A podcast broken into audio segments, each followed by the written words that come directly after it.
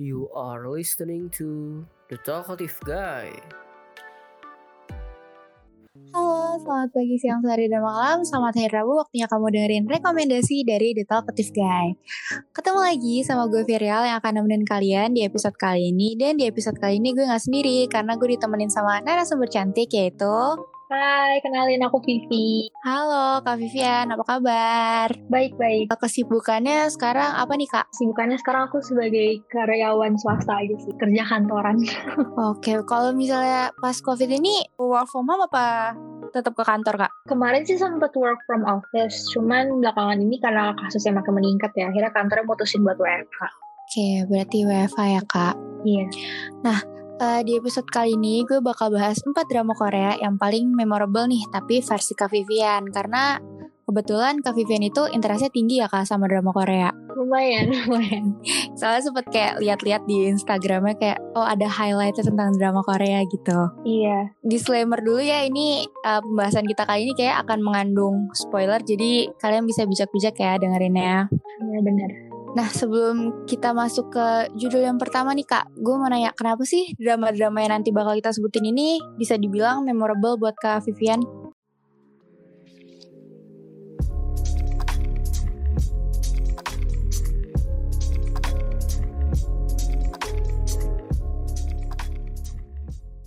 Sebenarnya sih banyak banget ya, karena kan maksudnya aku nonton drakor itu juga dari aku SMP dari tahun 2011 juga aku udah mulai nonton dari kecil bahkan. Cuman mungkin yang empat ini karena uh, dramanya masih lumayan baru terus juga um, banyak banget moral-moral value yang terkandung drama empat drama ini. Misalnya ada satu drama yang bahas tentang mental illness ada satu drama yang ngebahas tentang keluarga sama persahabatan ada satu drama yang ngebahas tentang self love terus satu lagi ada yang ngebahas tentang kehidupan reality orang-orang yang udah menyentuh umur 30 tahun yang berhubungan dengan percintaannya gitu Oke, jadi uh, yang bikin berkesan tuh karena emang ada moral value yang didapat ya kak dari cerita-cerita ini. Ya, sama chemistry dari pemain-pemainnya tuh juga kerasa banget. Jadi makanya bisa sampai memorable buat aku karena acting mereka menurut aku di drama-drama ini bagus.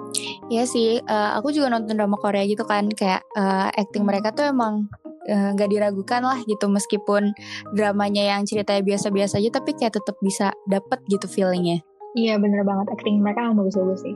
Ceritanya juga unik-unik. Iya bener banget. Plot ceritanya sih yang kadang suka ah kayak ini gak ada di Indonesia gitu. Jadi interest aja gitu. Iya bener aku setuju sih. Kayak gitu kita langsung masuk aja ke drama yang pertama itu ada It's Okay Not To Be Okay di tahun 2020. Ini pemerannya ada So Ye Ji dan Kim Soo Hyun. Fun fact ini ini dramanya si Kim Soo Hyun ini pertama kali setelah dia wamil nih dan di drama ini yang ada unsur kesehatan mentalnya ya kak kalau nggak salah. Iya benar. Nah drama ini juga cukup booming sih sampai ada scene yang dijadiin meme sama jadiin background musik di TikTok. Nah uh, drama ini tuh menceritakan tentang apa sih kak? Uh, jadi ceritanya itu menurut aku unik sih karena dia itu menceritakan kisah cinta tentang seorang penulis buku anak-anak sama si perawat dari rumah sakit jiwa. Nah si perawat rumah sakit jiwa itu namanya uh, Moon Gang Tae. Terus dia punya kakak namanya adalah namanya Sang Tae gitu dan kakaknya tuh autis gitu. Jadi si penulis buku anak-anak ini namanya Go Moon Young. Mm-hmm. Itu jadi dia tuh kayak tiga karakter ini tuh punya apa ya, punya penyakit mental illness masing-masing sih. Jadi Go Young itu punya penyakit sosiopat sosiopat tuh kayak nggak bisa merasakan emosi gitu. emosi. Terus ya kalau yang menggantungnya tuh dia nggak bisa apa ya kayak nggak bisa mengekspresikan dirinya gitu. Dia terlalu memendam perasaannya gitu. Jadi terlalu banyak emosi yang dipendam. Jadi dia kayak juga susah untuk mengekspresikan perasaannya gitu. Terus dia orangnya juga takutan untuk mencoba sesuatu yang baru. Terus kakaknya autis juga uh, dia juga punya masalah yaitu trauma masa lalu gitu tentang ibunya yang meninggal karena dibunuh sih. Jadi kayak ceritanya tuh pokoknya gimana caranya ketiga pemain itu nyembuhin luka-luka lamanya mereka gitu dan dibantu sama uh, lingkungan sekitarnya gitu. Ini fokusnya tuh kayak lebih ke mental illness gitu ya nggak sih kak? Iya, ini memperkenalkan mental illness juga sih kayak uh, ini loh jenis penyakit uh, kayak trauma tuh ngobatinnya kayak gini. Terus kalau misalnya kamu misalnya ngerasa mulai panik attack atau ngerasa sendirian tuh ada cara ngobatinnya yang itu juga booming sih namanya butterfly hug gitu. Hmm. Itu dari drama itu juga kayak diajarin kalau misalnya kita ngerasa kita terlalu panik atau terlalu kita ngerasa kayak tertekan kita hmm. bisa ngelakuin butterfly hug hak itu buat ngerasain kalau kita tuh nggak sendiri gitu kayak jadi kita lebih ngerasa tenang. Unik sih jadinya. Oke, jadi drama ini tuh memberikan kesan yang kayak unik gitu ya kakak Vivian. Kayak buat kita mungkin orang awam yang nggak tahu mental illness tuh kayak gimana, terus copingnya atau cara nanggepinnya gimana tuh dari drama ini berarti kita bisa tahu ya kak. iya bener banget. Oke, kesan yang paling mendalam buat kak Vivian dari drama ini tuh apa sih kak? Hmm, banyak banget sih terutama dari segi mental illness ya. Kayak cara-cara simple buat kita nenangin diri sendiri yang kayak masalah yang kayak tadi butterfly hug itu. Terus juga aku juga belajar kayak dari karakter tiga pemain itu tuh misalnya yang dari karakter yang Kim Soo Hyunnya sendiri itu kayak aku belajar kalau misalnya ya kita tuh nggak bisa selamanya untuk memendam perasaan kita gitu loh. Kayak ada kalanya ya kita harus mikirin diri kita sendiri kayak si Kim Soo Hyun kan di sini dia nggak mikirin dirinya sama sekali dia lebih milih dirinya itu tersakiti dibandingkan dia harus menyakiti orang yang dia sayang kan Oke. uh, which is kakaknya waktu autis atau Komunyongnya sendiri yang pemeran ceweknya itu Hmm. Tapi uh, lama-lama akhirnya dia belajar untuk bisa mengekspresikan dirinya karena ya sebertahan-tahannya kita untuk mendam perasaan itu ya pasti akan meledak kan suatu saat. Dan kalau misalnya kita nggak bisa mengekspresikan perasaan kita ya kita malah jatuhnya nyakitin diri kita sendiri gitu sih kalau kita cuma bisa diem doang. Jadi uh, ada kalanya lebih penting untuk sekali-sekali mem- memikirkan diri kita sendiri lah. Love yourself itu kayak diajarin juga sih di drama itu. Diajarin juga uh, tentang cara mengatasi trauma yang which is menurut aku sih itu drama ini agak healing banget buat orang-orang yang mungkin lagi ngerasa dia punya mental illness atau dia ngerasa dia juga yang kayak punya trauma di mana drama itu juga ngajarin kita kayak oh kalau misal lo punya trauma mungkin emang ada kalanya satu-satunya cara yang lo bisa lakuin untuk supaya bisa nyembuhin luka-luka trauma itu ya dengan cara lo ngadepin trauma itu secara langsung gitu. You face it biar lo tahu kalau ternyata hal yang lo takutin selama ini tuh mungkin gak semenakutkan itu atau dengan cara lo ngelawan hal yang menakutkan itu lo justru malah bisa terbebas dari rasa bersalah lo atau kayak rasa sedih lo dan lo akan lebih bisa mau untuk move on gitu ke kehidupan yang lain dan mungkin eh, memulai hidup baru yang lebih baik lagi gitu sih. Which is deep banget jadinya. Deep tapi sebenarnya udah kelihatan ya kak dari judulnya kayak it's okay not to be okay gitu. Jadi kayak Iya, ya nggak apa-apa gitu lo bisa mengekspresikan apa yang lo rasakan gitu. Oke, kita lanjut ke yang kedua ya kak. Mm-mm. Eh, ini ada Reply 1988 di tahun 2015. Nah, Fake ini dramanya bagus sih kak, sempat dapat beberapa awards kayak Baeksang gitu dan ratingnya dia cukup tinggi ya kak, hampir 18%. Iya betul banget. Drama ini plot ceritanya gimana kak? Mungkin kayak lebih singkatnya kayak dia menceritakan tentang apa sih gitu? Ini salah satu drama favorit aku sih. Jadi itu ceritanya itu simple banget. Pokoknya cuma tentang jadi di lingkungan itu satu gang itu tuh mereka semua tetanggaan ada lima keluarga. Nah lima keluarga itu punya lima anak yang seumuran. Terus Mhm. lima lima anak itu akhirnya mereka sahabatan gitu. Dari lima anak itu ada satu cewek empat cowok kan. Terus Mhm. drama itu sebenarnya cuma pengen ngasih tau kita kayak kita disuruh lihat nih dari si cewek yang satu ini kira-kira di masa depan bakalan nikah sama siapa di antara empat sahabat ini. Jadi kalau misalnya yang belum tahu spoilernya, terus langsung nonton itu, itu bener-bener bakalan mikir banget kayak, oh dia sama siapa ya, sama ini nggak ya, sama ini nggak ya. Cuman ya dibantu juga sama kisah tentang keluarga masing-masing dan persahabatan mereka, terus kayak cerita-cerita tentang kekeluargaan dari si tetangga-tetangganya itu yang benar-benar saling bantu-membantu. Terus banyak juga kayak uh, nilai-nilai yang bisa diambil untuk keluarga, persahabatan itu bagus banget sih makanya dramanya. Oke, jadi ini drama tuh lebih ke reality gitu ya, kehidupan Iya. sehari-hari tuh gimana gitu. Kebetulan gue belum nonton nih kak, berarti ini wajib banget masuk list gue kali ya. Boleh boleh harus harus masuk soalnya ini juga unik juga sih karena kan di set settingnya kan tahun 1988 ya terus kayak Mm-mm. ini juga ngasih tahu kita kalau misalnya kisah cinta itu tuh kayak zaman dulu masih cuma sekitar antar tetangga gitu loh yang kayak masih surat menyurat atau kayak lebih apa ya to the point gitu kalau misalnya Eh. suka langsung ngomong gitu kan kan kalau sekarang kita lebih apa ya tipe yang kayak kalau suka sama orang langsung ngeliatinnya dari sosial media Hmm. Kenalannya lewat DM Instagram kayak gitu kan jadi kayak Betul betul betul. lebih apa ya bring back memories gitu sih which is nice drama ini Jadi mungkin bisa nambah ide-ide buat yang pengen deketin cewek atau cowok kayak lebih agak apa ya lawas gitu cara Iya. Jadi tadi uh, wajib nonton ini karena kan sebenarnya ceritanya ringan ya kak, tapi Hmm. ada moral valuesnya juga banyak gitu.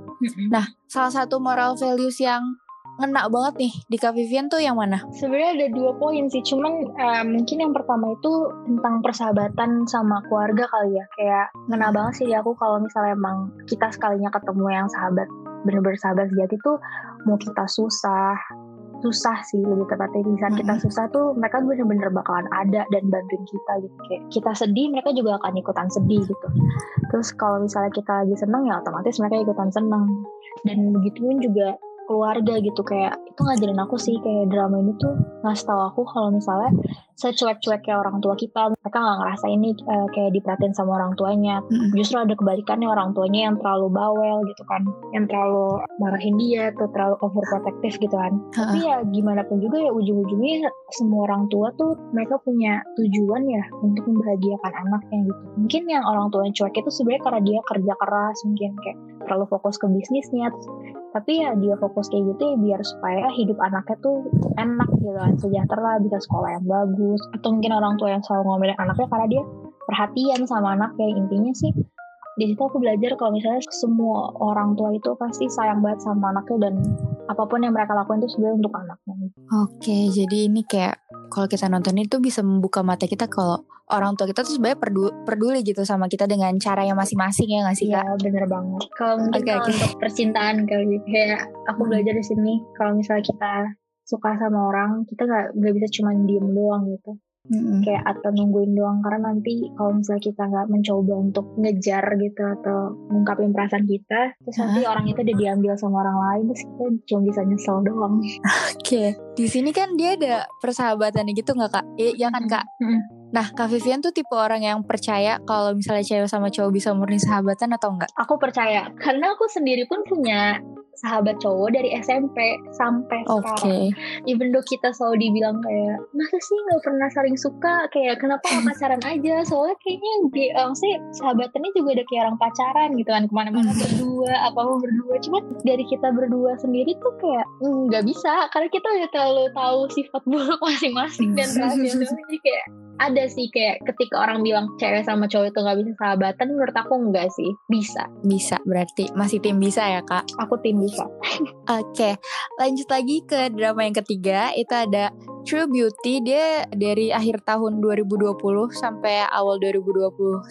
Nah, drama ini juga diadaptasi dari webtoon. Nah, serunya lagi, drama ini tuh lagi happening tim-timan juga nih kak. Ada tim Suho sama tim Sojun. Kak Vivian tim mana nih? Aduh, aku dua-duanya boleh nggak? aku siapa aja deh si Jung Kyungnya, maksudnya berakhir sama siapa aja aku dukung-dukung aja sih. Cuman aku lebih ke tim Sojun kali ya. Oke, tim second lead ya. Iya bener. Tapi sampai sekarang kita masih belum tahu sih second lead atau first leadnya siapa karena drama ini belum selesai ya kak. Belum. Dan makin ke sini tuh eh, makin tergoyang tuh kapal-kapal. Bingung milih yang mana. Bener-bener bener. Karena dia diadaptasi dari webtoon. Eh, Kak Vivian baca webtoonnya nggak? Baca. Oke, jadi apa nih yang membedakan si versi webtoonnya sama si versi dramanya kak? Bedanya lumayan banyak sih. Kayak awal aku nonton tuh aku ngerasa kayak alurnya aja udah beda. Cuman emang inti garis besar dari drama sama webtoonnya sama. Tentang kayak si cewek yang dandan terus kayak berubah jadi cantik gitu.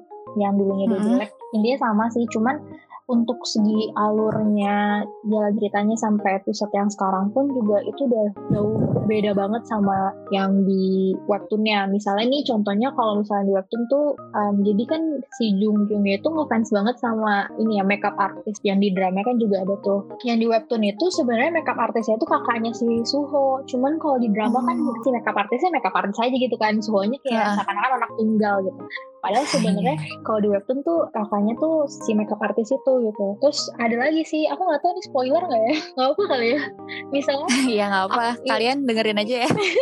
aku nggak yakin sih kalau misalnya in the end si uh, Jung Kyungnya bakalan sama Sojun kelihatan Mm. di dramanya sih dia bakalan tetap sama Suho karena fokus utamanya kan Ah. si Jung Kyung sama Suho cuman kalau di webtoon tuh si Jung Kyung itu sebenarnya sempat pacaran sama si Sojun Oke. gitu. Cuman nggak tahu ya sebenarnya dia bakalan pacaran dia sempat pacaran ya di episode selanjutnya. Cuman feeling aku sih enggak sih. Jadi em, udah dari alurnya udah beda banget sih sebenarnya. Cuman ya dramanya tetap bagus sih menurut aku menarik untuk ditonton Oke, karena emang sebenarnya tiap platform gitu kayak entah webtoon, entah drama dia punya cara masing-masing gitu kan buat narik uh, audiens buat nonton. Mungkin kalau di webtoon lebih seru yang alurnya kayak gini, yang di versi drama ya yang kayak Kak Vivian ceritain tadi. Iya menurut aku sih gitu sih karena mungkin karena drama juga kan episode terbatas ya jadi mereka harus ngerangkum sedemikian rupa dong biar cerita itu tetap bagus terus kayak nggak ada nggak ada konflik yang mungkin ngegantung gitu kan sedangkan kalau di webtoon kan si kreatornya bisa menciptain sampai ratusan episode makanya alurnya dibikin Iya. panjang Betul. Nah,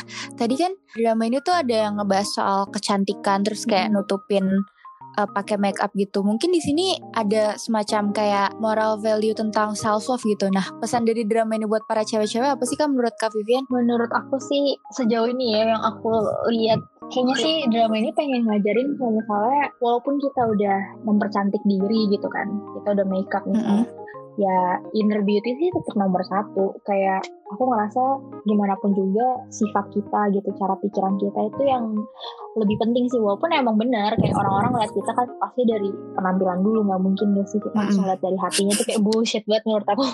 Betul betul betul. cover tuh menurut aku agak bullshit sih. Karena pasti orang lihat penampilan dulu kalau suka dideketin gitu. Ya cuman kembali lagi sih kalau misalnya kita inner beauty-nya mungkin kurang atau kayak misalnya kita punya sifat yang jelek gitu kan ya tetap aja gak sih kayak ya pasti orang cuma ngeliatnya kayak ya cantik doang gitu. Tapi mungkin um, ya sifatnya kurang gini atau Minus. gitu. Iya bener. Jadi ya yang penting inner beauty sih sama mungkin sejauh ini aku lihat salah satu self love dari yang kita lakuin adalah ya kita bisa ngelakuin apa yang kita mau selama kita ngerasa happy. Misalnya kayak si Jung Kyung kan dia beli makeup dia makeup dia cantik dia happy ya. Terus kayak aku mikir kayak ya kenapa enggak? gitu kan. Karena kan maksudnya banyak banget orang misalnya sekarang kayak ada beberapa orang yang bilang kayak ih cantiknya karena makeup doang gitu kan. Ya kenapa Hmm. gitu kan? Kayak ya kita betul betul ya kita betul. beli makeup mahal-mahal biar bikin muka kita upgrade dikit kan jadi cantik. Ya masa kita beli makeup semua buat mukanya sama aja sama aja bohong nggak sih? Mending usah beli makeup ya betul betul betul betul.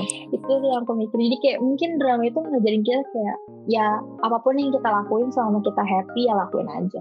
Oke, jadi buat cewek-cewek di luar sana, kalau kalian mau makeup nggak apa-apa makeup, nggak usah dengerin orang lain. Yang penting kalian happy ya kak. iya bener banget Oke, last but not least nih ada drama dengan judul Because This Is My First Life di tahun 2017.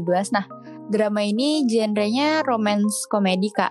Mm-mm. Ya nggak iya sih? benar-benar Nah, sama kayak drama yang It's Okay Not To Be Okay, di sini Yimin Ki ini sempat hiatus. Nah, jadi dia comebacknya pakai si drama ini. Jadi ini ceritanya romance komedi yang kayak gimana kak? menurut aku ini drama yang unik banget sih ceritanya kayak out of the box banget sih kayak Bener-bener bener.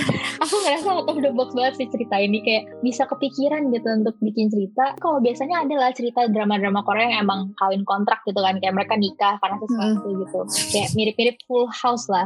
Cuman bedanya kan kalau Full House itu karena itu rumahnya terus dia ngerasa kayak ya nggak bisa gitu-gitu. Kalau misalnya yang Because This Is My First Life tuh cerita tentang jadi tuh uh, ada cewek namanya itu Jiho nama ceweknya. Nah dia Hmm. itu tuh intinya diusir sama saudaranya untuk keluar dari rumah itu dan untuk cari tempat tinggal baru. Karena dia waktu itu uangnya juga nggak banyak dia cuma asisten penulis naskah gitu kan. Jadi dia kayak nyari apartemen sewa yang murah. Nah kebetulan si Hmm. aktor Lee Min Ki ini Hmm. namanya Nam Sehe nah dia itu uangnya tuh habis buat bayar DP rumah. Jadi kayak untuk bayar cicilannya tuh dia lupa nyiapin uangnya. Jadi kayak nggak sanggup. Akhirnya di em, bukalah sewa kamar gitu kan. Sharing sama, sama dia tinggal di rumah dia. Nah si cewek itu karena sharingnya murah akhirnya dia Ambil ambil, aja gitu, gitu. kan. Terus yang gue otaknya awalnya dikira tuh pokoknya intinya kayak dipikirnya si ceweknya itu adalah cowok. Pokoknya karena mereka udah keburu bayar dan dua-duanya but yang satu butuh uang satu butuh tempat tinggal akhirnya supaya mereka bisa tinggal di situ mereka mutusin buat nikah nikah kontrak gitu. Supaya nggak jadi kayak omongan orang-orang sekitar gitu cuman karena mereka yang tahu doang akhirnya semua orang memperlakukan mereka kayak suami istri beneran gitu. Lucu sih drama ini. Terus kayak yang bikin lucunya lagi tuh acting pemainnya tuh kayak karakternya kan biasanya kalau cowok-cowok di drakor itu kan apa ya? Sweet, sweet, gitu kan atau kayak dominan gitu kan kayak dominan tegas Ah. tahu mesti ngapain. Kalau misalnya di sini tuh karakter cowoknya tuh kayak kaku banget kaku nggak tahu nggak tahu cara ngungkapin perasaannya. Terus cewek juga yang kayak tipikal tipikal pemalu pemalu gitu terus kayak suka ngelakuin hal-hal bodoh juga. Jadi lucu banget sih drama ini kayak refreshing banget menurut aku.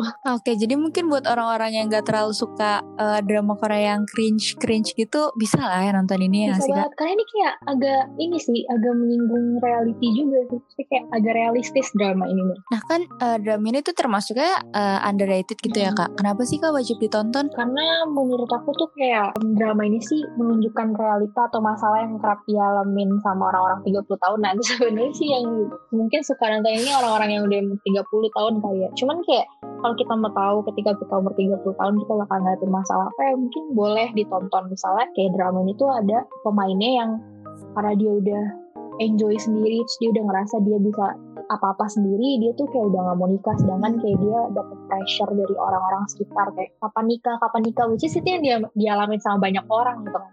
Lagi orang-orang yang misalnya mungkin udah sukses di karir udah nyentuh umur 30 tapi mereka dipaksa nikah terus kayak mereka ngerasa kayak I can do it by myself gitu kan wanna be alone. Itu kayak disinggung juga di drama ini atau kayak yang gimana banyak orang yang sebenarnya takut untuk memulai hubungan pernikahan karena mereka belum mapan. Ini juga disinggung banget di drama ini. Contohnya kayak si Lee Min Ki ini dia mutusin sebenarnya nggak mau nikah karena dia ngerasa kayak ya gue hidup sendiri aja buat lunasin rumah karena mungkin dia ngerasa dia belum mampu untuk bisa membiayai keluarganya. Kayak gitu sih. Jadi menurut aku menarik sih karena dia drama itu ringan banget. Terus lucu juga karena karakter-karakter pemainnya juga yang kayak unik-unik banget kan. Apa ya kayak realistis gitu sih buat orang yang mungkin nggak terlalu suka drama-drama yang terlalu fantasi gitu kan. Kayak nggak terlalu di luar dari dunia nyata gitu. Mungkin bisa nonton ini buat kayak hiburan gitu. Oke, mungkin buat orang-orang yang belum nyampe umur 30 ya persiapan bener sih Kak. Kayak kita harus tahu masalah apa sih yang bakal dihadepin gitu di umur di atas 25 Iya, gitu ya kan. Jangan cuma ngomongin soal quarter life crisis aja karena setelah itu masih ada krisis-krisis yang Iya, lainnya. Oke, jadi udah cukup lama nih gue sama Kak Vivian nemenin kalian. Thank you Kak Vivian udah mau berbagi drakor recommended versi Kak Vivian. sama-sama ya Sekali lagi thank you ya Kak. Stay healthy buat Kakak. sama Mida Untuk para pendengar rekomendasi yang mau berkomentar tentang episode kali ini atau ngasih saran, apalagi hal yang menurut kalian layak untuk kita rekomendasikan bisa melalui link voice message yang ada di description Spotify episode kali ini atau di Instagram at thetalkativeguy underscore ID. Oke, sampai sini dulu rekomendasi kali ini. Gue Virial dan aku Vivian thank you for listening. See you on next episode. Adios! Bye. annyeong Don't forget to follow us on YouTube, Spotify, and Instagram at the talkative guy underscore ID.